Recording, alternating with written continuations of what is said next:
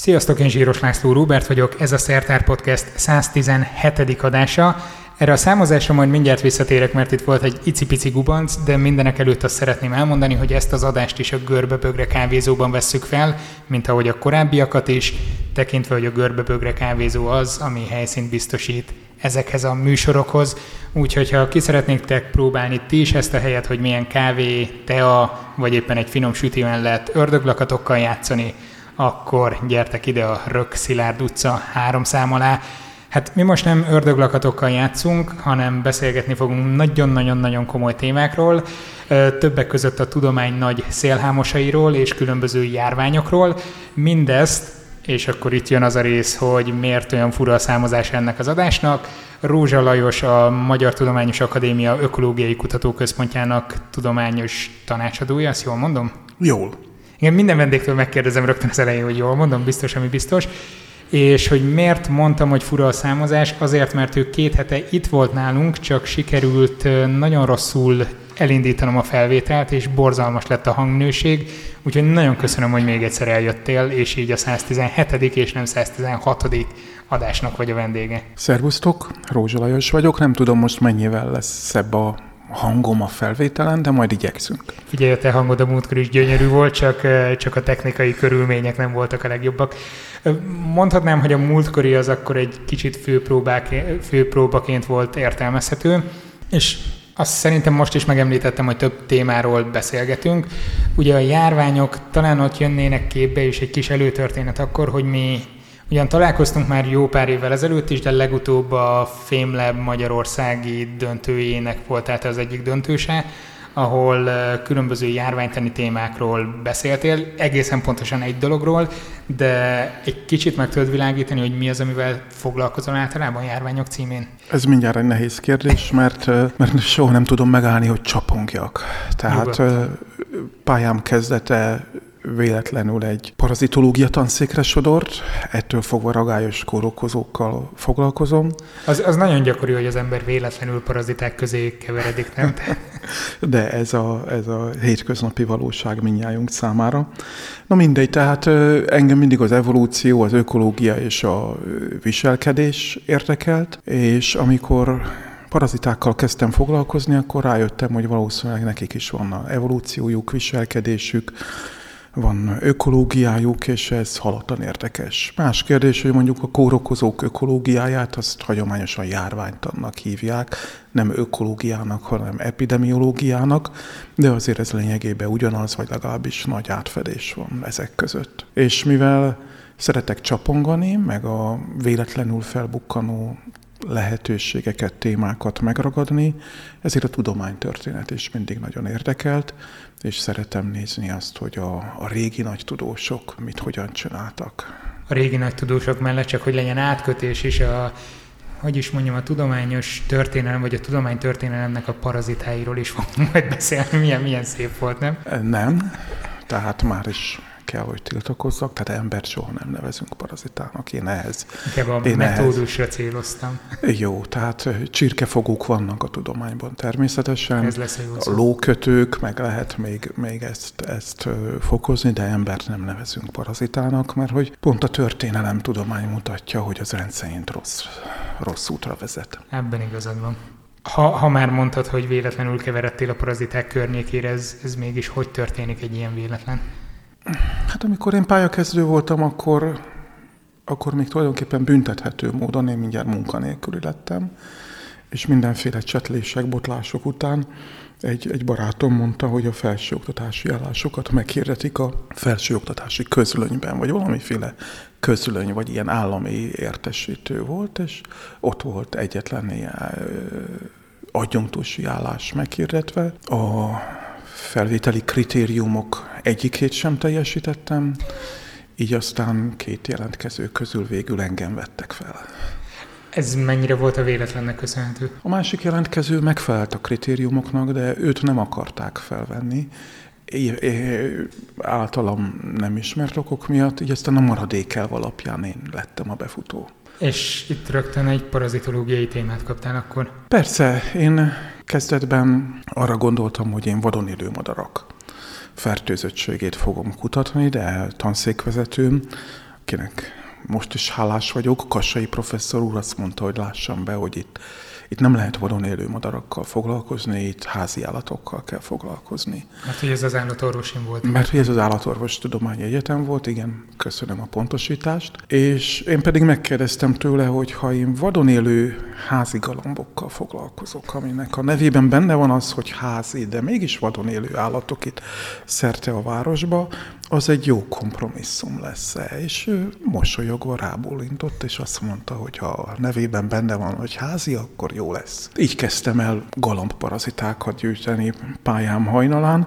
Na azóta is mindenféle kórokozókkal és mindenféle fajokkal vannak munkáim, kalandjaim. Hát persze az egyik legizgalmasabb gazdafaj az az ember. Mi az, ami leginkább megfog téged a járványokban? Tehát azért a legtöbb ember max óckodva közelít ezekhez a kérdésekhez, de te azért elég szenvedélyesen tudsz róluk egyrészt beszélni, másrészt gondolom utána olvasni meg a kutatásokat is végezni. Csak úgy érdemes kutatómunkát végezni, ha az ember tényleg el tud mélyedni benne és szenvedélyesen csinálja.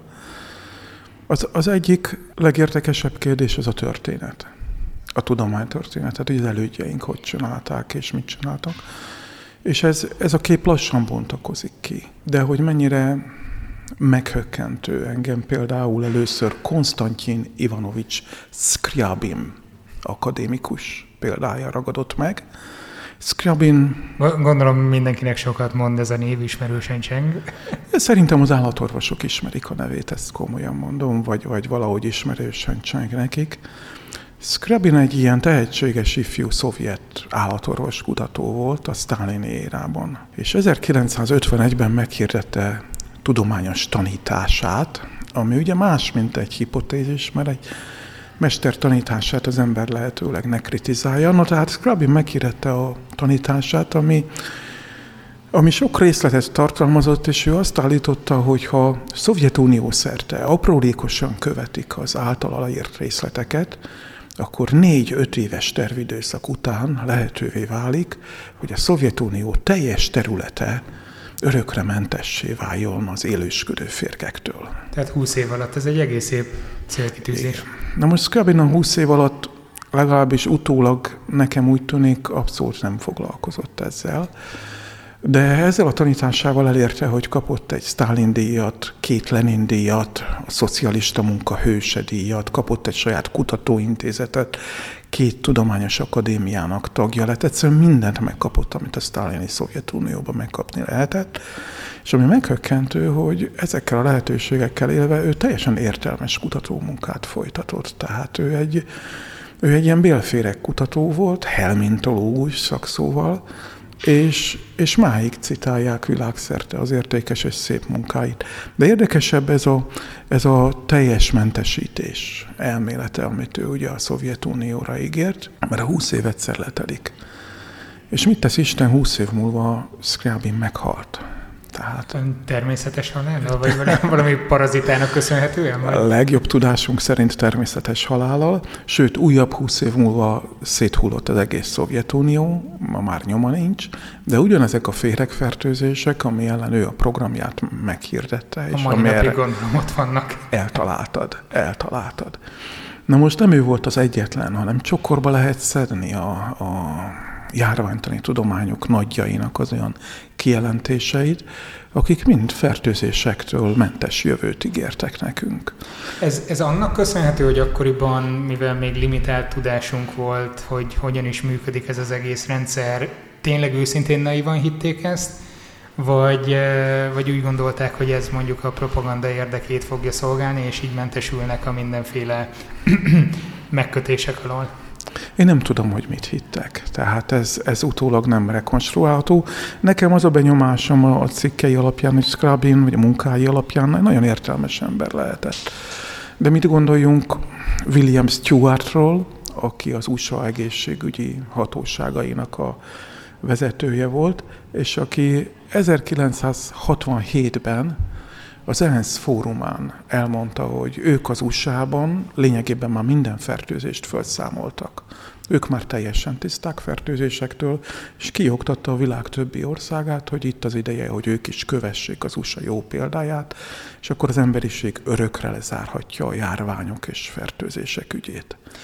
Azért vannak olyan járványok, amit a történelemben sikerült, főleg a 20. században elég jól megfékezni, visszaszorítani, és ezek jönnek ugye most vissza a különböző oltás ellenes mozgalmakkal, tehát azért valami valami csillogó remény azért csak lehetett náluk. Hát az emberiség a történetes során a mai napig egy kórokozó, egy emberi kórokozót számolt fel végérvényesen, a fekete himlőt. Ez is csak annyira végérvényes, hogy azért katonai készletek jól eltéve vannak egyes országokban, amelyek még elővehetők, sőt, egy vírusban már de novo is szintetizálható, hiszen ha a szekvenciák megvannak.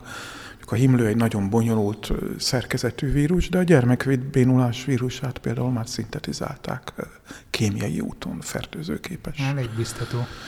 Vírust. No, tehát az emberiség egy, vagy, vagy mostanra talán lehet, hogy épp a napokban számolják fel véglegesen az utolsó medinai féregfertőzéseket valahol a kelet-afrikai polgárháborús pokolban.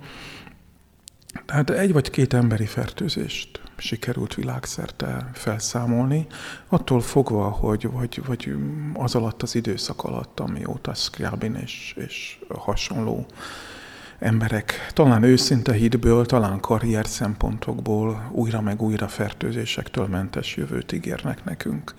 Most ez alatt az időszak alatt körülbelül 5-600 új emberi kórokozó faj tűnt fel, tehát ha az egyenleget nézem, az számszerűleg elég rossz. Ez persze egy kicsit csalóka, hiszen az újonnan feltűnő emberi kórokozók többnyire nem nagyon fontosak, a többségük az, az nem okoz gyakran letális következményeket, és nem okoz világjárványt, de vannak közöttük olyan világjárványt okozó durva vírusok, amelyek sok ember életet követelnek, mint a HIV vírus, vagy a SARS nevű vírus, és így tovább. Hogyha parazitákra gondolunk, és nem feltétlenül kórokozókra, mint amit az előbb is említettél, akkor általában főleg itt Európának, hát szerintem mondhatom, hogy a nyugati részén, vagy a nyugati világhoz tartozó részén, elsősorban ilyen mindenféle egzotikus csúszómászók nagyon idézőjelben jutnak az eszünkbe, de azért nálunk is vannak paraziták, vagy a környékünkön is, nem? Csak nem nagyon veszünk róluk tudomást. Itt a parazita fogalommal is egy kicsit bibelődhetünk, mert hagyományosan az állati élős, az állatok körébe tartozó élősködőket szokták parazitáknak hívni, de ökológiai szempontból a baktériumok, a vírusok szintén élősködő életmódot élnek, számomra tehát mondjuk ők is paraziták. Van egy olyan, egy olyan nagy globális biogeográfiai mintázat, hogy a, a kórokozók, fertőzések általi, által okozott mortalitás, az általuk kifejtett szelekciós nyomás, az a hidegebb égövek felé enyhébb szokott lenni. A trópusok fertőzés veszélyesebb helyek, hát mi egy viszonylag jó helyen vagyunk itt a Kárpát-medencében, de a klímánk fokozatos melegedésével ezt a jó hely, helyzetet egy picit sikerülhet még lejjebb küzdeni. Ezt már lehet érzékelni? Ez egy nagyon nehéz kérdés, mert egy biztos ok-okozati összefüggésre kísérletes úton tudnánk rávilágítani, vagy itt, itt lehetne bizonyítani. Az, hogy időben egybeesik két dolog, tehát mondjuk a klímánk fokozatos melegedése és új járványok megjelenése, az nem bizonyíték. Azt mondanám tehát, hogy vannak adatok, amelyek ezt támogatják, de azok messze nem bizonyíték erejűek. A globális klímával nem tudunk kísérletezni, mert kéne két csoport, ugye egy, egy A melegi... B-föld. És mind a kettőből egy csoport, igen, tehát egy melegített föld bolygók csoportja és egy kontrollbolygók csoportja. Sok bolygó kellene ahhoz, hogy bolygó szinten kísérletezhessünk. De kétség kívül vannak egybeeső mintázatok, tehát nem akarom bagatelizálni a dolgot. Ahogy megváltozik a klímánk, úgy, úgy szubtrópusi, vagy korábban a, a déli határaink mentén fölföltűnő fertőzések lassan megjelennek Magyarországon is. Ez mindenféle félremagyarázásokra is adhat okot. A legtöbben például azt szokták emlegetni, hogy a malária majd megjelenik Magyarországon, mint tipikusan trópusinak vélt betegség a, a felmelegedő klímával. De valójában azok a plazmódium fajok, amelyek az emberi maláriát okozzák, azok előfordultak Magyarországon endémikus, tehát nálunk benszülött kórokozóként körülbelül az 50-es évek elejéig, és a, a felső Tiszán vagy Somogyban a maláriás gócokat, vagy akár a Kisbalaton környékén az 50-es években számolták fel, amikor szó nem volt még fölmelegedésről, egyre gyorsabban melegedő klímáról. Tehát egy korábbi, kicsit hűvösebb időszakban ezek a kórokozók itt voltak. Na most, hogyha a felmelegedő klímával megint megjelennek, vajon ez, ha ez a két jelenség időben egybeesik, ez bizonyítéke arra, hogy a, a kettő okokozati összefüggésben van rá. Tudom, hogy gondolom nagyon szereted az ilyen kérdéseket, de fel tudunk ezekre készülni? Fel. Persze. Köszönöm szépen. Mi kell ahhoz? Mondd. Lakossági ismeretterjesztés, felhívások, az orvosokat kell annak megfelelően képezni, ökológusok hadát kell hadrendbe állítani? Mondanék egy nagyon egyszerű példát arra, ami nem oldaná meg a dolgot, de valamiféle felkészülést jelentene. A Magyarországon a trópusi fertőzésekkel a betegeket a László kórházba viszik. Ha a László kórház megfelelő betegszobáinak az ablakán szunyogháló volna, akkor lehet, hogy ez egy olcsó, de talán egy-két-három itt megint potenciálisan itt meginduló fertőzést visszatartó felkészülés lehetne. Ennek az önköltségi ára, hát nem tudom, 2000 forint vagy hasonló volna. Ablakonként. Ablakonként, igen, de, de lehet, hogy kevesebb. Tehát, Na jó, csak közbeszerzés útján ez lehet, hogy fel, felmegy ez az Na, hogy ne, hát versenytárgyalást fogunk írni. Jó, ez csak egy kis butuska példa akart lenni.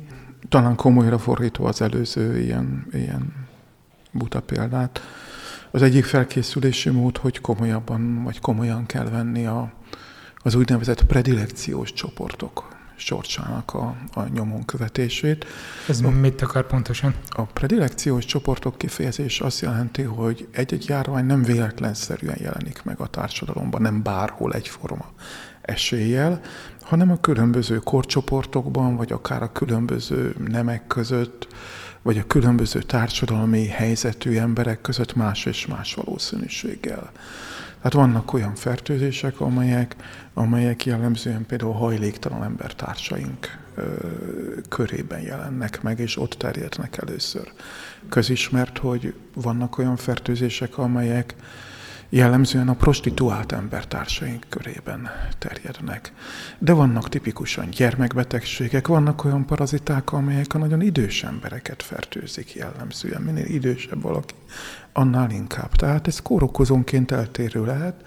Na most, hogyha egy, egy járványtól tartunk, ha közelít a határainkhoz, akkor a megfelelő hazai embercsoportot fokozott figyelemben kell részesíteni, esetleg egy fokozott egészségügyi ellátást kell számukra biztosítani, nem azért, mert protezsáljuk őket, hanem mert a társadalom egészének a biztonságát növeli, hogyha ő rájuk különösen figyelünk. Hát ez egy elég összetett és szervezett munkát igénylő folyamat. Én nem vagyok orvos, és, és lehet, hogy olyan általánosságokat mondtam, amik többé-kevésbé már megvalósulnak, de néha a való életben azt látja az ember, hogy lehetne még erősíteni a, a felkészülésünket. Ilyen józan parasztésszel belátható, egyszerű elképzelések alapján. Most próbálnék egy nagyon gördülékeny átvezetést találni egy olyan témára, amiről a múltkor már beszéltünk, most próbálok neki veselkedni parazitológia téma, témánál mindenképpen maradunk, meg amit az előbb említettem, hogy a FameLab egyik döntőse voltál, ott kifejezetten egy csoporttal foglalkoztál, egy olyannal, ami után mindenki vakarózott a közönségben. Azért vakaróztak, mert az emberi tetvekről beszéltem. És te nem adtál nekik tetveket, tehát ez nagyon fontos. Beszéltem, csak elméletben foglalkoztunk a kérdéssel, amennyire hát egy három perces előadása keretében foglalkozni lehet. És van egy érdekes jelenség, hogyha tetvekről beszélek például a, a hallgatóknak, akkor hát szemben állok velük, és látom, hogy mindenki elkezd vakarózni. Jellemzően a haját, fejét vakargatja mindenki. Ez egy picit bánt engem, tehát egy ilyen, egy ilyen pozitív irítség van bennem, mert ezt a jelenséget én évtizedek óta látom, de van egy kiváló szlovák kollégám, egy Pavol Prokop nevű kutató, aki gyorsan ezt a cikket, e, ezt a jelenséget egy cikkben leírta, és ilyenkor az ember egy kicsit fogja a fejét, hogy a fene egye meg. Hát én is láttam, és én nem írtam belőle cikket.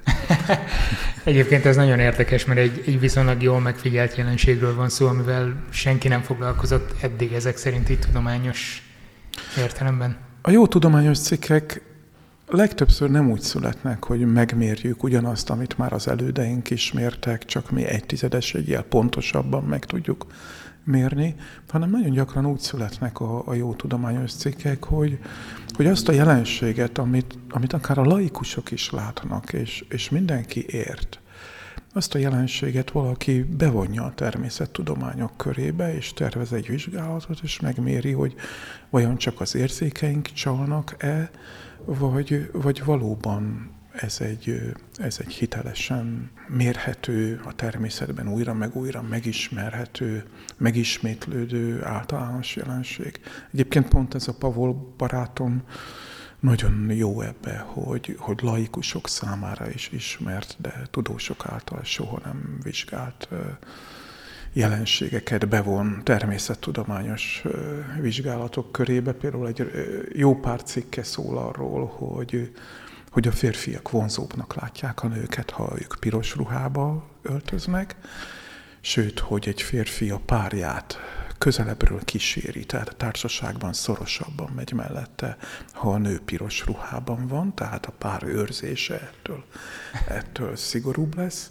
Sőt, fordítva is megcsinálta, megmérte. hogy... Látok összefüggést egyébként a kettő között, hogy vonzóbbnak látják, plusz az, aki vele van, jobban Igen. figyel rá. De megfordítva is megvizsgálta ugyanezt Pavol barátom, mert azt is megnézte, hogy, hogy egy férfit a nő vonzóbbnak lát, hogyha az arcképét piros szín szegélyezi, mint ha más szín, tehát azt mondja, hogy hogy ha, ha megyünk Ferrari-val csajozni, akkor a piros Ferrari az tényleg jobb, mint a más színű. Ezek ilyen, ilyen közkeletű, primitív népi bölcsességek lehetnek, és mérhetően így van. Most egy olyan gyakorlati megvalósítás jutott eszembe, hogyha a hölgyen eleve piros ruha van, csak közel kell hozzá menni, mert akkor a róla visszaderítő terített fény, az ugye egy piros élt ad majd a férfi arcának, és akkor rögtön vonzóbbnak is látja. Tehát... Jó, próbáld ki, én családos ember vagyok. hát figyelj, akkor ide is jön majd az, amit mondtál, hogy kell a megfelelő kontrollcsoport, kellenek a vállalkozók, úgyhogy lehet, hogy meghirdetünk egy Ő ezt megcsinálta, tehát ezek, ezek szépen le vannak publikálva. Na mindegy, nagyon elkanyarodtunk messze. A tetvektől. A tetvektől, igen. Én a tetvekről azt meséltem, hogy van két egymáshoz nagyon közel álló, de majd, hogy nem egy fajba, vagy talán egy fajba tartozó kétféle emberütetű, a ruhatetű és a fejtetű, és ezeknek az emberrel való kapcsolatáról meséltem. Mielőtt elmondod, hogy mit meséltél, szerintem nagyon fontos megemlíteni, hogy az egész előadásnak a címe valami olyasmi volt, hogy miért fertőzzük meg fejtetővel a szeretteinket. Ez volt a címe, sőt, ez egy, ez egy nagy labban publikált ilyen hipotézis cikkünknek is a címe, amit korábbi hallgatómmal, Apari Péterrel közösen publikáltunk. Nagyon röviden a, a történet lényege az, hogy, hogy a fejtetvesség az egy jellemző gyerekkori fertőzés.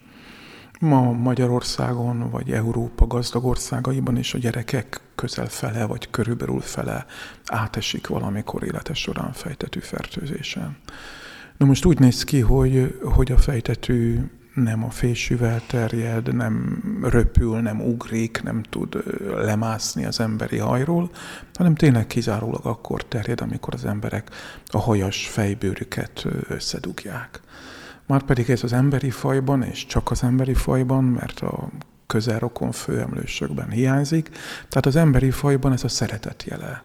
A szeretet, a barátság, a szerelem, de, de mindig egy pozitív, emocionális kapcsolat, amikor mondjuk valakik akár egy közös selfie erejéig összedugják a fejüket, vagy... Az vagy... alatt az idő alatt, amíg lefejeli az egyik a másikat, addig nem másznak át a tetvek. Nem tudjuk, de, de nem valószínű minden esetre. Minden esetre emberben a rokonok, a barátok, a, a nemi partnerek jellemző viselkedése, hogy, hogy összeszorítják a, a hajas fejbőrüket, és ilyenkor terjed ez a fertőzés. Amiről a mi hipotézisünk szólt, hogy úgy néz ki, hogy ennek van, vagy lehet adaptív háttere. Ez, egy, ez, ez a közelmúltig egy azért volt evolúciós szempontból értékes, hasznos viselkedés, mert az emberi, a gyermekkori fejtetőfertőzések, azok csökkentik az esélyét annak, hogy az ember később, felnőtt kora során ruhatetvekkel fertőződjön. Már ez, ez miért fontos? Ez azért lényeges különbség, mert a, a fejtetvek nem terjesztenek halálos, vagy potenciálisan halálos emberi mikróbákat, kórokozókat, sőt tulajdonképpen semmi mikrobiális fertőzést nem terjesztenek emberről emberre. A ruhatetvek viszont, viszont olyan letális kórokozókat terjesztenek, mint a kiütéses tifusz, a visszatérő láz, a lövészárok láz, sőt újabban a, klasszikus középkori pestist is egyesek sokkal kevésbé a bolhákhoz, sokkal inkább a ruhatetvekhez kötik.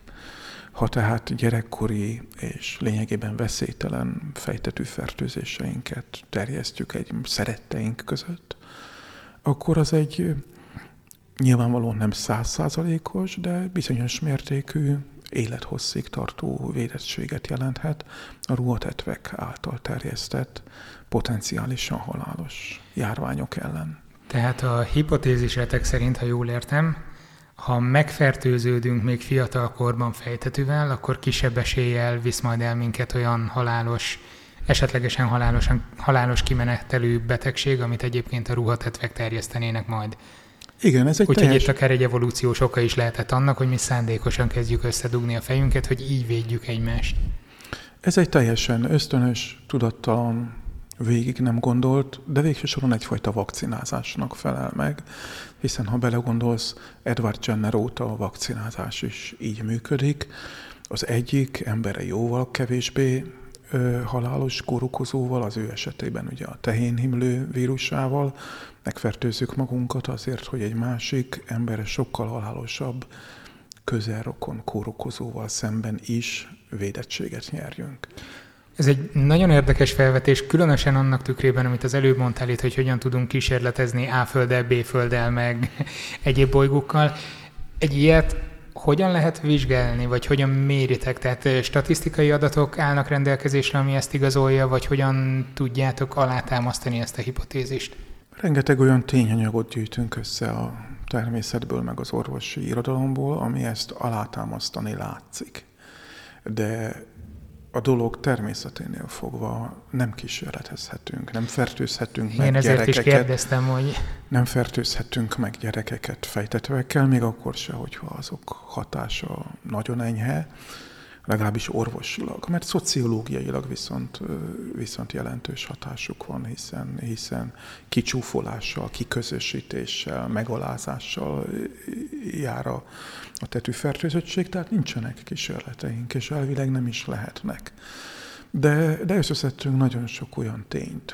Hát a legfontosabb ezek közül az, hogy van-e immunválasz a tetvekkel szemben, amely paradoxonnak tűnik, hiszen a tetvek az emberi testen kívül helyezkednek el, az immunválasz pedig a behatoló idegen anyagok alatt van. De Igen, nagyon... emlékszem, ez, ez nagyon megfogott, amikor a múltkor ezt kifejtetted, hogy hogyan is működhet egy vérszívó állat elleni immunválasz. A vérszívók ellen vannak ö, immunreakcióink, egyébként a legegyszerűbb, hogyha arra a szúnyogcsípésre gondolsz, ami a szúnyog elszállása után is egy, egy duzzadó, fájdalmas, viszkető kis dudorként ott marad.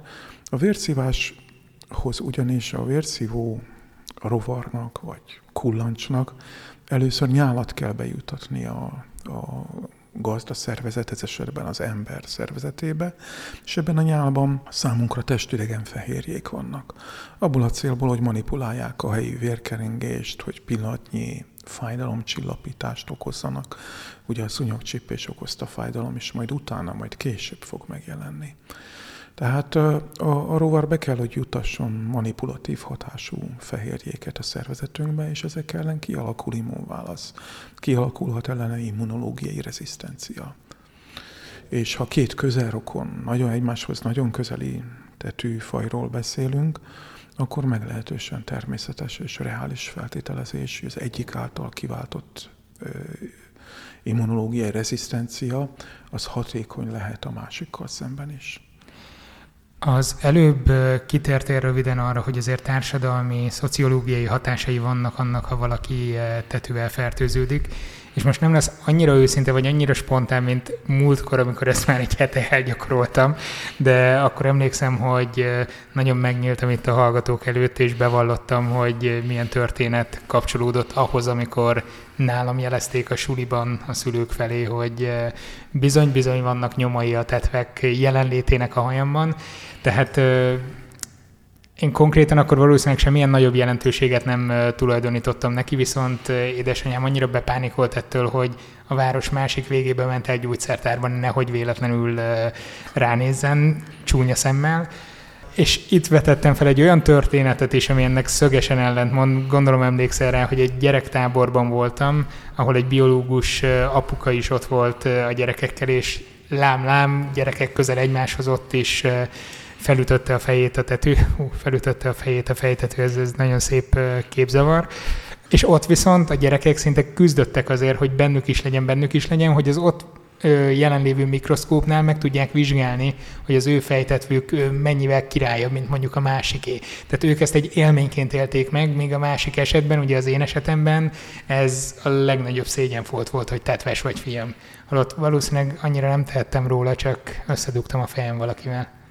Ez teljesen tipikus, hogy gyerekek ez sokkal természetesebb és akár vicces dolognak élik meg, mint a felnőttek, de talán ez is leginkább a kicsi gyerekekre jellemző. Már az óvodában terjed a fejtető. Most már megvakarózom, eddig bírtam tartani. És ott, ott igazán nem okoz problémákat, de akár már a, a kis tinédzserek körében, iskolai közösségekben, vagy ha kilépünk, és általában járványos fertőzésekről beszélünk. A fertőzések és a kiközösítés az, az mindig összefügg. Gyakran úgy, hogy, hogy a fertőzések miatt közösítjük ki embertársainkat, kivéve a közeli rokonaink, de egy szociális közösségből, aki, aki fertőzött, vagy akár csak fertőzöttnek néz ki, mert nagyon csapzott, nagyon vakarózik, nagyon csimbókokba lóg a haja, akkor őt kerülik a többiek. De megfordítva is nagyon gyakori az emberi történelem során, és itt visszatérünk a történelemhez, nagyon gyakori, hogy egy-egy embercsoportot meg akarunk bélyegezni, a többségi társadalom, ki akarunk közösíteni, és akkor azzal vádoljuk őket, hogy mert ők fertőzéseket terjesztenek. Erre harsány történelmi példák vannak. Elég sok, de szerintem hagyjuk is a tetveket, és vonuljunk át a történelemnek egyéb mezőire. De ahhoz szerintem nagyon jó volt, hogy a múltkor beszélgettünk, a hallgatók ezt még nem tudják, hogy ez hogy történt. Mielőtt rátérünk a tudománytörténet nagy szélhámosaira, szerintem nagyon fontos, hogy egy kicsit beszéljünk arról, hogy hogy is működik a tudományos karrier, vagy a tudományos előrehaladás, illetve az értékelése a tudományos munkáknak. A tudomány az, az nem egyik vagy másik embernek a terméke, hanem az emberiség közös alkotása. Tehát csak az része a tudományos életnek, aki kommunikálni tudja az eredményeit aki egyedül van egy bezárt szobába, és nagyon okos, lehet, hogy mindnyájunknak, mindnyájunknál többet tud, ő nem része a tudománynak.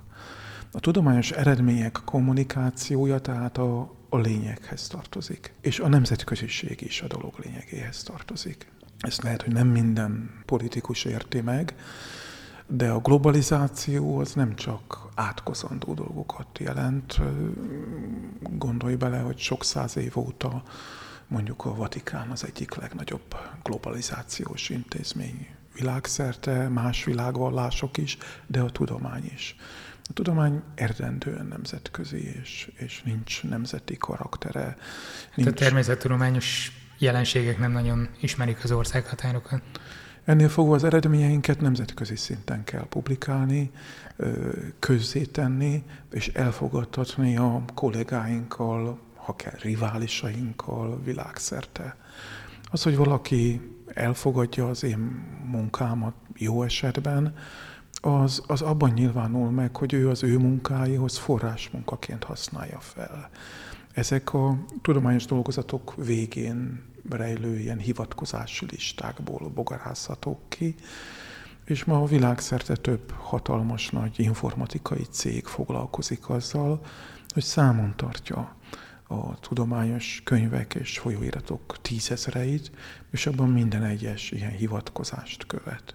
Magyarán lehet látni, hogy kinek használják a munkája eredményét, és kinek kevésbé, vagy esetleg egyáltalán nem használják a munkája eredményét világszerte. Tehát némileg túl egyszerűsítve mondhatjuk azt, hogy minél többet hivatkoznak valakire, annál jobb tudós, annál jobb a tudományos produktum, ha lehet így fogalmazni? Azt mondanám, hogy ha árnyalni próbáljuk ezt a leegyszerűsítő fogalmazást, akkor hát igen, ebben sok igazság van. Ezt most baltával faragtam, és akkor most jönnek igen. a finomabb szerszámok. Mondjuk kicsit finomabban. A tudományban vannak kiemelkedő zsenik. Egy-egy félelmetesen nagy áttörés van, és valószínűleg ezeknek a zseniknek a, a teljesítményét nem lehet így értékelni. Az előbb emlegettük ugye a vakcinációt, hát Edward Jenner, ő már a, a Brit Akadémia tagja volt a Royal Society tagja volt. Kevesen tudják, de madártani kutatásaira. Itt madarász volt. És, és a Brit Akadémia tagjaként ő benyújtotta a Royal Society lapjához a tanulmányát a vakcinázásról. Hát olyan elutasító levelet kapott onnét, hogy, hogy olyanok a, már olyan megszégyenítő és megalázó stílusú le, vál, kísérő levéllel vágták onnét Pont ki. a briteknél? Persze hogy, hogy olyat még én is ritkán kapok, pedig néha én is kapok érdekeseket. Azt írták neki, hogy, hogy szégyent hoz a brit tudós társadalomra azzal, hogy egy ennyire nevetséges és hihetetlen elmélettel áll elő. Tehát egy-egy igazán nagy felismerés, egy-egy kiemelkedő zseni, az, az valószínűleg nem jól minősíthető citációs, meg publi, tehát hivatkozási, meg publikációs listákkal. Viszont, amiben neked igazad van, és, és ami miatt mégiscsak jók ezek a hivatkozások számlálásán alapuló ilyen, ilyen minősítési rendszerek, az az, hogy, hogy a tudományban világszerte dolgozó milliók, vagy Magyarországon dolgozó tízezrek messze nagy többsége az nem ilyen kiemelkedő zseni, hanem bizony szorgos emberek egész életükben több-kevesebb jó és rossz ötlettel, csetlésekkel, botlásokkal, hibákkal dolgoznak, és több-kevesebb eredményt elérnek. És azt gondolom, hogy, hogy például amikor el kell, dönteni kell pályázatokról, és van előttem két pályázat, az egyik a az egyik a, a pontyok ikrázásáról szól, a másik pedig a mohapárnák vízelnyelő képességéről. Én, én hogyan döntsem el, hogy melyik pályázat kapjon pénzt, és melyik ne? Nincs más támpontom, mint megnézem, hogy, hogy a két pályázó, a két rivális kutató a maga szakterületén világszerte mennyire ismert. Ugye ahhoz képest, hogy más pontkutatók, vagy más mohakutatók milyen mutatókkal bírnak, ezek a mi magyar versenyzőink közül vajon melyik, aki relatíve legjobb. És bizony rendszerint nem ilyen, ilyen világra szóló nagy felfedezésekről van szó, hanem fontos, de mégis sokkal szerényebb eredményekről. És ilyenkor gyakran egy halom pályázatot rangsorolni kell, igenis fontos támaszpont, hogy az életkorához képest, esetleg ahhoz képest is, hogy az illető többször volt mondjuk szülési szabadságon, és az alatt nem dolgozhatott. Tehát mindenféle más körülményeket is mérlegelve, de ezek a hivatkozási mérőszámok, ezek támpontot nyújtanak arról, hogy a világban azt a magyar kutatót látják, nem látják, vagy éppen iskola alapító személyiség, akinek világszerte sok követője van.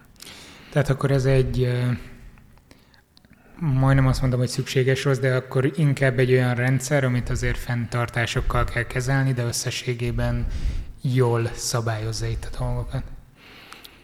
Igen, igen, én, én szükséges rossznak tekintem. Tehát, akkor akkor tehát... ki lehet mondani.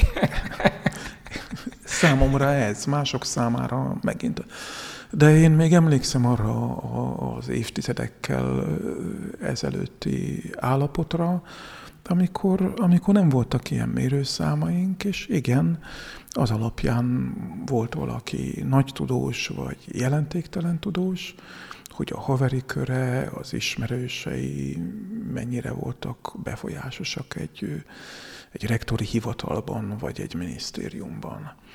Ezért van az nagyon sok helyen, hogy anonim bírálják el például a különböző tudományos cikkeket, vagy akár diszertációkat. Igen, a, a kollégák általi névtelen, anonim elbíráltattatás az egy igen lényeges motivum. Akkor is, hogyha nagyon gyakran az ember sejti, vagy látja, hogy ki volt ez az anonim bíráló, Néha az anonim bíráló egy monogramot is tesz a végére, néha nem. Az anonimitás egyébként is sok szempontból sérül sajnos, hiszen, hiszen gondolj bele, hogy például PDF fájlokba egyszerűen beleír az ember megjegyzéseket, és a megjegyzéseivel együtt küldi vissza, hát bizony egy-két klikkeléssel meg lehet nézni, hogy kinek a gépén született, születtek ezek a, ezek a megjegyzések. De mégis ez az alapelv, hogy egymást és nem jellemzően nem Magyarországon belül, hanem világszerte, tehát más kontinensek kutatóit bírálom én, és az én munkáimat bírálják más kontinenseken. Ez, ez egy ezer sebtől meg hibától vérző rendszer, de még mindig a legjobb. És még, még mindig jobb annál, mint amit Scriabin csinált, hogy meghirdeti a tanítását, és azt bírálni nem lehet. Viszont ezeket a lehető legjobb rendszereket is, amit most elérhetünk, azokat is ki lehet játszani, gyakran nem épp a legtisztességesebb módon. Hát az a baj, hogy a tisztesség és a tisztességtelenség egy kontinuum, és hát közte ott van a, a szürke, nem tudom hány árnyalata, tehát a fekete meg a fehér között. Azt mondanám... A citációk 50 árnyalata, ez lesz. A citációkkal való trükközés 50 árnyalata, ez lesz az adás címe. Azt mondanám, hogyha mondjuk szeretnéd megmérni a szélnek a sebességét, és kiállsz egy ilyen kis kézi kanalas szélmérő műszerrel a hegytetőre, akkor ott az áramló levegő molekulák egyrészt nem tudják, hogy te méred őket. Másrészt még ha tudnák is, hogy méred őket, akkor se volna egyéni érdekük abban, hogy hogyan manipulálják a te általad kapott végeredményt. Na, a tudományos teljesítmény mérése, amit időnként csúnya, csúnya szóval scientometriának hívnak, tehát a tudományos teljesítmény mérése nem ilyen. A, a kutatók nagyon világosan tudják, hogy itt mérik az ő eredményeiket, nagyon világosan tudják, hogy hogyan lehet manipulálni egy kicsit a rendszert, és ezek a kis manipulációk, ezek nem feltétlen becstelenek, nem feltétlen erkölcstelenek, de például valakinek van egy nagy munkája, akkor lehet, hogy, hogy ilyen késztetések hatására szétvágja a munkát, és két-három kisebb cikkben publikálja, ahelyett, hogy egy nagyban publikálja. Van is már egy és ilyen... Ez végül is nem tilos. Ez nem tilos, ez nem erkölcstelen, de van is már erre egy szép angol kifejezés, a legkisebb publikálható egység, a least publication unit, vagy valami hasonló kifejezés. Tehát ez persze befolyásolja az embereket. A legendák szerint valaha a 40-es évek végén, az 50-es években a Szegedi Egyetemen bevezettek ilyen tudománymérést, és egyszerűen egy dolgot kértek számon évről évre a kutatókon, a cikkek darabszámát. És nem tudom, hogy igaz-e, de a, a legenda szerint volt egy zoológus kutató, aki egy év alatt 365 cikket publikált. Nagyon piciket, tehát ilyen kis egyedi előfordulás. adatokat. Külön, külön, és azt hitte, hogy ezzel ő nevetségessé teszi, romba dönti, és végleg megszünteti a rendszert. De csak újabb meg újabb számonkérések jöttek, és senki nem foglalkozott azzal, hogy, hogy ő megmutatta, hogy mennyire irracionális cikkek darabszámában mérni a teljesítményt. Szóval nem igazán kilóra mélik ez a lényeg. Sokkal jobb ugye, hogyha a cikkek visszhangját mérjük, ugye idézettségben. Gondoljuk bele, hogy a, a magyar tudományokban szerintem a legkiemelkedőbb alak, vagy a legkiemelkedőbb alakok egyike az ifjabb Bolyai volt, aki életébe egyszer írt 28 oldalt, de azt is ábrákkal együtt, ami azért geometriában elég sok, és hát annak a publikálásával, meg lektoráltatásával, se foglalkoztak túl sokat, hiszen apukája könyvének utószavaként megjelenhetett. Jó, hát de neki egyszerű, mert ő a semmiből új világot teremtett, tehát... Így van, de hát ő egyike ezeknek a kiugró zsenéknek, akiknek a teljesítménye nem mérhető olyan mérőszámokkal, mint, amit a, mint amivel a Magyarországon dolgozó sok tízezernyi kutatói, meg, meg egyetemi oktató teljesítményét igenis mérni kell. Most azon gondolkodom, hogy milyen jó gondolatkísérlet lenne, hogy vajon akár Bolyai, akit említettél, Euler, vagy, vagy nem is kell matematikai irányba menni, bármelyik nagy zseni, aki nagyon-nagyon régen alkotott, még a jelenlegi rendszer megszilárdulása előtt, hogy vajon ők hogyan állnák meg a helyüket ma például, hát, ha nekik kéne beadni a különböző cikkeket különböző folyóiratokba. Ami pusztán az idézettség számokat jelenti, azt tudom mondani neked, hogy nézd meg őket a Google Scholar-ban. A Google-nak az egyik szolgáltatása, hogy ilyen citációkat gyűjtöget, és, és lehet benne ilyen személyes lapot uh, nyitni. Ezt, ezt egyébként ajánljuk mindenkinek szerintem, aki tudományos uh, folyóirat cikkeket keresgél, hogy nyugodtan a scholar.google.com oldalról indítsa ezeket. Hú, ez nem reklám, ettől most félek. Hát, Mindegy, minden esetre. minden esetre ugye ott az ember magának nyit egy, egy ilyen felhasználói oldalt, és akkor oda gyűlnek a, a cikkei, meg a citációi. De, de lelkes fiatalok megcsinálják Darwinnak, Newtonnak, Einsteinnek is a személyes lapját, és hát igen, igen, figyelemre méltó megnézni, hogy, hogy kik azok a tudósok napjainkban, vagy hogy a mai legjobbak hogyan viszonyulnak ugye a tudománytörténet nagyjaihoz. Én úgy emlékszem, hogy, hogy akiket mi így középiskolába tanultunk a mindenféle tudományterületeken, talán Freudnak láttam a legnagyobb citáltságát, meghökkentően nagy citáltsága van. Biztos, hogy sok elfolytás miatt mindenki őt, őt idézi. Lehet, ami egyébként nagyon érdekes, mert pont Freud határeset, tehát hogy, hogy azt hiszem, hogy, hogy természettudomány képviselői közül sokan nem tartják tudománynak a, a freudizmus, de hogy sokan meg igen. Tehát nem, valahol a, a tudomány, nem tudomány határán mozgott, vagy mondjuk úgy a tudomány és a művészet, vagy, vagy a szubjektív dolgok határán dolgozott.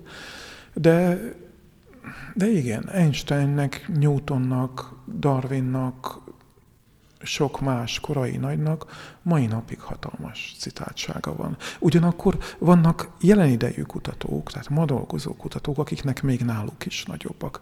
Ezek viszont rendszerint metodikai dolgok. Tehát ha valaki egy nagyon jó metodikát kitalál, például statisztikában új eljárásokat, ami, ami széles körben elterjed, vagy a, a PCR, tehát a polimeráz láncreakció leíró cikkek meg. Tehát egy-egy nagy metodikai áttörést, aki elér, azok bizony jelen mai élő kutatók még a nagy klasszikusoknál is jobban hivatkozottak. Newton és Carey Mullis majd így egy, egy platformon lesznek a Google Scholarban. Viszont valamire kitértünk a múltkor, fogalmam sincs, hogy ez hogy jött szóba, de szerintem ide akár illeszkedhet is. Arról beszéltél, ami nekem nagyon-nagyon tetszett, a tudománynak az önkorrekciós mechanizmusa, és azt hiszem, hogy ezt valahogy a citációk kapcsán hoztad fel. Mondjak még néhány adatot így? A csalókról beszélgettünk, és szerintem azt, azt zártam le azzal, hogy, hogy az, az egy dolog, hogy a tudományban mindig vannak hát ilyen, ilyen sumákoló emberek, durva csalók, sőt, akiket példaként fölhoztam, akár sorozatgyilkosok is, akik a tudományos karrierjük érdekében is gyilkoltak, de a tudománynak van egy nagyon jó önkorrekciós képessége, ami nem azt jelenti, hogy, hogy aki, aki gazember volt, az bíróság elé kerül, de hogy a tudomány megtisztul a, a, a csalások, hamisítások eredményeitől, ez, ez egy elég jól látható folyamat. Na de akkor szerintem ne csigázzuk tovább az embereket, ha már szóba jöttek a szélhámosok illetve a csalók, meg az előbb mondtad itt az 50 árnyalatát a szürkének, amiben eh, lehet tocsogni, de menjünk el inkább a fekete irányba, akkor jó? Mindig, olyan, mindig negat- olyan negatív vagy máma. Én korábban néhány előadásban ö, szemléltettem a, a, a durva csalások, vagy a sötét karrierek példáját két olyan életúttal, ami időbe egybeesik, de a, az egyikük egy tipikus brit életút. Ő Richard Henry Meinerzhagen volt, aki hát az első és második világháború során is nagy érdemeket szerzett. Nem egy túl brit hangzású név. Meinerzhagen egy, egy német falu, de ő maga, már mint Richard Henry, Henry Meinerzhagen, ő egy ilyen nagyon vegyes származású, tehát a spanyol királyi család is az ősei között voltak, zsidó ősei is voltak, brit voltak, és ő maga gyerekkorában például Charles Darwinnal járt madár megfigyelő túrákra, ami egy elég jó ilyen természettudományos kezdetnek tűnik, de ő elment, ő elment hivatásos katonának, ami az első világháború előtt ilyen viktoriánus Angliában hát arra volt egy biztos garancia, hogy bejárhatja a világot, hiszen a gyarmat birodalom akkora volt, hogy a nap soha nem ment le fölötte, és ő valóban harcolt Afrikában, Indiában, az első világháborúban, a, a közel-keleten. Ő arábiai lawrence harcolt. Fantasztikus hőstettei voltak, amiket aztán leírta az életrajzába, és, és küldte haza a preparátumokat, rengeteget gyűjtött zoológiai, meg néprajzi gyűjtései voltak. Hát egy szuperhős akkor hol, hol Igen, a csalás? de ő egy két méter magas, atlétikus, abszolút szuperhős volt. Egyébként annyira, hogy, a, hogy név szerint szerepel Lawrence könyvében is, mint harcos társ. A mai filmek közül ő név szerint szerepel az Ifjú Indiana Jones kalandjai című filmsorozatban többször is föltűnik az alapja, alakja, ő ilyen ifjúsági regényhős volt Nagy-Britanniában a Brit Ornitológus Társaság elnöke volt, mert miközben ő, ő járta a frontokat és harcolt, ő rengeteg preparátumot küldött haza a Brit Természettudomány, a Londoni Természettudományi Múzeumnak. Egyébként történelmi tény, hogy ott volt a Trianon palotában például lezárni a, a, az első világháborút. Az életrajzi regénye szerint ő, ő találkozott Adolf Hitlerrel, akinek a Heil Hitler kiáltását ő Hely Meinerzhagen kiáltással viszonozta, és így tovább. Egy csomó, gyanús. Csomó fantasztikus történet. Most a halála után kiderült, hogy durván meghamisította az egész életútját, és, és a kutatói karrierjének vannak valós eredményei, de ezek nehezen választhatók el attól, hogy beteges csaló volt. Természetesen soha nem találkozott Hitlerrel, és sok más katonai hős tette is. Darwin igaz? Darwin igaz, igen. Tehát nagyon nehéz a kettőt elválasztani. Sőt, talán lehet, hogy emlékszel, egy Maxwell nevű szerző írt egy Csillogó vízgyűrűk című könyvet, egy skót szerző vidrákról írta. Az én gyerekkoromban ez egy ilyen kedvelt állatos könyv volt. És Maxwell is találkozott Meinerzhagennel, és ebb magyarul Csillogó vízgyűrűk címen érhető el a könyv, és abba a gyerekkorára visszaemlékező Maxwell leírja, hogy, hogy a szülei szóltak neki, hogy jön a Meinerzhagen látogatóba, meg beszélgetni az állatokra, de vigyázzon vele, mert ez az ember puszta kézzel embereket. Tehát azért ezt úgy tudták a, a környezetében, mit nem mondjak, a, a néprajzi gyűjteménye is nagyrészt ilyen afrikai törzsi furkós botok, meg kisbalták voltak, amivel agyon lehet csapni embereket. Hagen kétség kívül megölte a feleségét, megölte a terepmunkán a segédjét, sok mindenkit eltett lábalól a karrierje érdekében. és betegesen csalt. És ma a Brit Természettudományi Múzeumok madárgyűjteményében hatalmas nyomozati munka folyik, hogy mi az, amit ő meghamisított, és mi az, ami nem. Ami, ami meghökkentő, hogy nem csak a ritka példányokat hamisította, hogy más gyűjtők eredményét önmagának tulajdonítsa, de a pusztán szép példányokat is. Tehát gyakori fajokból is, ami nagyon szépen volt preparálva, azt ő átcímkézte, és a saját korábbi gyűjtő útjaihoz, lelőhelyeihez igazította. És ez menet közben nem tűnt fel senkinek? Nem. Ez menet közben... Tisztelet miatt, vagy nem ismerték megkérdőjelezni? Nem, nem tudom, nem tudjuk. No, mindegy, ő, ő egy ilyen, egy ilyen nagy, nagy brit tudós és, és csaló volt, miközben vele körülbelül egy időben a Szovjetunióban Trofim Gyenyisovics Lisenko futott be egy félelmetes pályát. Az ő neve valószínűleg sokkal ismerősebben cseng az embereknek. Én félek, hogy a mai fiatalok nem tudják már hová tenni Lisenkót és a Lisenkóizmust. Itt is jellemző a, kezdetek, tehát a pályaindulása. Lisenko egy, egy kertészeti állomáson kezdte a tudományos karrierjét valahol az Észak-Kaukázusban, ahol a főnöke feltalált egy módszert, amit jarovizációnak nevezett el, és ami azt a célt szolgálta volna, hogy az őszi búzát is lehessen tavasszal vetni. Ha ez üzemi méretekben működött volna, akkor, akkor lett volna gazdasági jelentősége, de persze csak, csak kis edényekben megvalósítható módszer. Minden esetre Lisenko és a főnöke a Kaukázusból vonattal utaztak a Leningrádi tudományos konferenciára, hogy a főnök előadja a nagy felfedezését, de sajnos a moszkvai pályaudvaron vonat elé esett a főnök, így Leningrádban már egyedül érkezett Lisenko és a saját Csúszósak neve. ezek a peronok. Igen, nagyon kell vigyázni a csúszós peronokon, hogyha egy pályakezdő ifjú szovjet karrierista agresszor áll melletted, Lysenko pályája egyszerűen ezzel indult, de, de utóbb tulajdonképpen tömeggyilkossá vált, és, és ő tagadta a genetikát, tagadta a kromoszómák lényé, létét annyira, hogy korának legkiválóbb szovjet genetikusai vagy szibériai számüzetésben végezték, vagy a Jubjanka börtön pincejébe haltak éhen. De attól, hogy, hogy oké, okay, lenyúlja a korábbi konzulensének a munkáját, nagyon-nagyon alattomos módon. Hogy lesz ebből ez a elég kétes karrier? Tulajdonképpen hasonló a Scriabinhoz. Ígérni kellett. Ígérni kellett, és Lysenko azt ígérte, hogy ha darwini szelekciót megtagadjuk, és a növényeket szoktatjuk az a különböző eltérő más és más környezetekhez, sokkal jobb eredményeket fogunk elérni szelekció nélkül, és minden ilyen blőd tudományos mesét ideologizált, tehát a szovjet állam, a marxista demagógia sémájára húzott rá.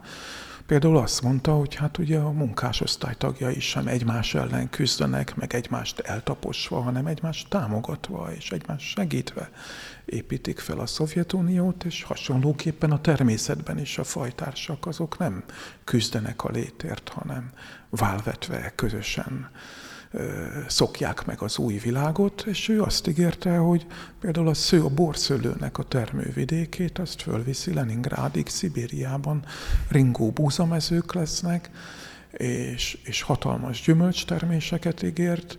Van egy híres fotó, amin a kezével mutatja, hogy mekkora gyümölcsök fognak teremni a, az ő általam megálmodott eljárásokkal, és ez azért híres fotó, mert akkor történt, amikor a Kremben tartott tudományos előadást, és Stalin bekiabált, azt kiabálta be, hogy bravo, Lisenko elvtárs. No hát aki nem értette... Hát ilyen hátszélel már azt hiszem értem. Aki nem értette egyet, az meg meghalt a börtönpincéjében ez a tudományos viták hi, hiánya mennyivel jobb rendszer a mai, amikor névtelenül bírálgatjuk egymás írásműveit. És é, igen, azt hiszem, meg... visszatérve arra, mint az előbb mondtál, együtt lehet élni azokkal az apró uh, ambivalenciákkal, ami a citációs indexeket illeti. Hogyne. Néha dühös vagyok, hogy milyen bírálatokat kapok, csapkodok miatta, de meg kell mondjam, hogy néha én is rossz bírálatokat írok másokról. De sőt, életben maradtál. Sőt, nagyon gyakran tök jó bírálatokat kapok, és nagyon hasznosak, és a kommentárjaikat, a segítő kommentárjaikat, az anonim, anonim bírálóktól kapott megjegyzéseket konstruktív módon be tudom építeni a, a munkámba. Ez is nagyon gyakori. Azért Liszenko bármennyire is ígérgetett, azért a valóság nála is szembe jött. Ez nagyon érdekes, hogy hogy jött szembe a valóság. 1972-ben Richard Nixon teljesen váratlanul előállt az ENSZ-ben azzal, hogy, hogy ők az amerikai Egyesült Államokban minden biológiai fegyvert leszerelnek, megsemmisítenek, és ő egy új biofegyvertilalmi egyezményt javasol az ENSZ-nek, ami a korábbival ellentétben már nem csak a, a biológiai fegyverek elsőként való alkalmazását, hanem a, a gyártást, a kereskedelmet, a puszta birtoklást is tiltja. Ez 72-ben volt. 73-ban világ számos országa ezt ratifikálta, egyébként Magyarország csak jóval később, de 73-tól megkötötték ezt a szerződést, a világ legtöbb országa ratifikálta, és ennek a szerződésnek volt három letéteményes országa. Ez a diplomácia nyelvén azt jelenti, hogy ezek az országok nem csak azt vállalják, hogy ők követni fogják a szerződés szellemét és betűjét, de ha kell erőszakkal betartják, azok, betartatják azokkal az államokkal is, akikre befolyásuk van. Hát nyilvánvaló, az egyik ilyen letéteményes ország a Szovjetunió volt, ami hát például a szovjet csat, csatlós államokkal is be fogja ezt tartatni. Tehát akkor velünk. Velünk, igen. Valóban nem is volt, legjobb tudásunk szerint, akkoriban biológiai fegyverünk. Minden esetre az akkor meglehetősen fiatal szovjet pártfőtitkár, Le- Leonid Brezhnev színe elé járult két nagyon nagy, nagyon jeles szovjet biológus akadémikus, akik nem tudjuk, hogy szó szerint mit mondtak neki, de valószínűleg olyasmit mondtak neki, hogy hát Brezsnyev elvtárs. Az imperialisták azt akarják, hogy senkinek ne legyen biológiai fegyvere. Hát akkor mi ezt ratifikáltuk, felelősséget vállaltunk nemzetközi szinten, de itt az ideje, hogy akkor elinduljon a projekt.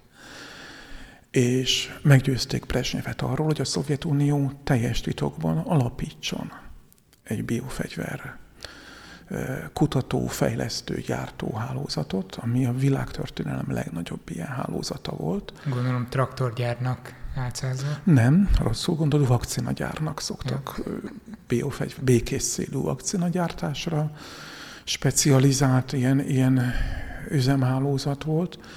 Annyira titkos volt a projekt, hogy nem minden szovjet köztársaságban működhetett, csak kettőben, az orosz, szovjet szocialista köztársaságban és Kazaksztánban. Kazasztánban azért, mert ugye minden nagy fegyveripari fejlesztéshez kell lőtér. És a nagy sivatagjai Kazasztánnak voltak, egyébként ott az Aral tóban, akkor még volt egy nagy sziget, az újjászületés sziget. És akkor az még volt, víz is volt. Akkor még víz is volt, igen, ez ma a szárazföld része. Minden esetre e, valószínű, hogy ezt a két szovjet akadémikust az motiválta, hogy Brezsnyevet meg lehetett arról győzni, hogy modern biológiai fegyvereket csak molekuláris genetikai eszközökkel lehet fejleszteni. Tehát nem elég a kórokozót behozni a, a vadonból és tömegtermelésbe fogni, hanem például össze kell gyűjteni a ma ismert összes antibiotikum ellen felelhető rezisztenciagént, és már eleve antibiotikum rezisztens kórokozó változatokat kell gyártani.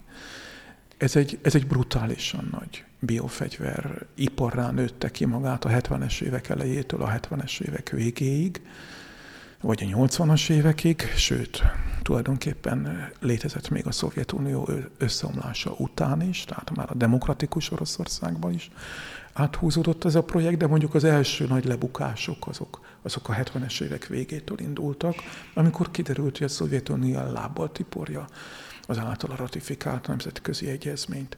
De hogy visszakanyarodjak Liszenkóhoz... Igen, Liszenkó akkor még élt, amikor ez létrejött? Nem, nem Tehát akkor nem. ez csak a tudom, nem azt mondtam a tudományos öröksége, de a munkásságának az örökségét e, cáfolta meg. Érdekes módon fogyatkozott el ugye ez a szovjet liszenkóizmus.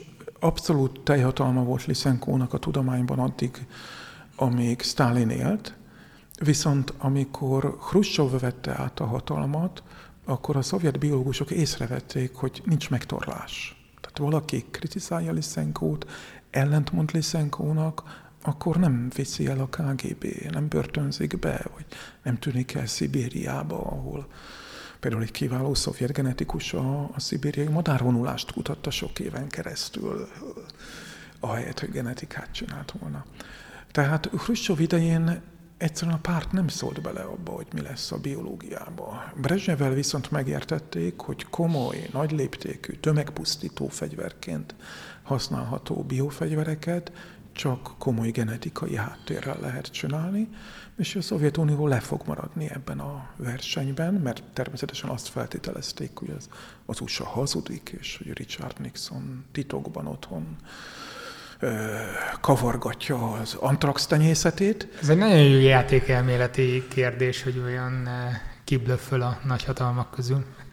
Azért nagyon nehéz kérdés, mert ugye egy fegyvernek tulajdonképpen a, a leggyakoribb felhasználási módja az, hogy az országok, vagy, vagy nemzetek, vagy emberek fenyegetik egymást a fegyverekkel. A legtöbbször nem használják gyilko- valós gyilkolásra a fegyvereket.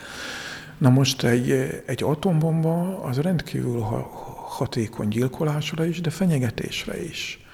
Tehát az, hogy akár mostanában Észak-Korea mekkorát robbantott a, a atombombáival, azt világszerte lehet mérni. Ezekkel a hatalmas rakétákkal a november 7-én a Vöröstéren föl lehet vonulni a nemzetközi sajtó meg a média színe előtt. De képzeld el, hogyha a nagy rakéták a között ott menetelne egy magasrangú orosz katonatiszt, kezében egy kémcsővel olyan nevetségesnek néznek ki. Pedig ha abban a kém, kémcsőbe himlővírusok vannak, és konkrétan ugye Oroszországnak mai napig vannak katonai célra fenntartott himlővírusai. Ezt tudjuk. Ez, ez legális, igen, igen. Tehát legálisan nemzetközi egyezményekben rögzítve az USA és Oroszország tartott meg himlővírusokat. Hogy illegálisan vagy, vagy titokban még kinél van, azt nem tudjuk. No, tehát visszatérve erre a képzeletbeli november 7-i felvonulásra, ha ott vonulna egy katona a kezében egy, egy kémcsővel, mert akkor a nemzetközi sajtó meg a tévécsatornák kommentárjai kiröhögnék őt. Pedig lehet, hogy az veszélyesebb mint azok a hatalmas rakéták, amiket ott vonszolnak hatalmas vontatókon.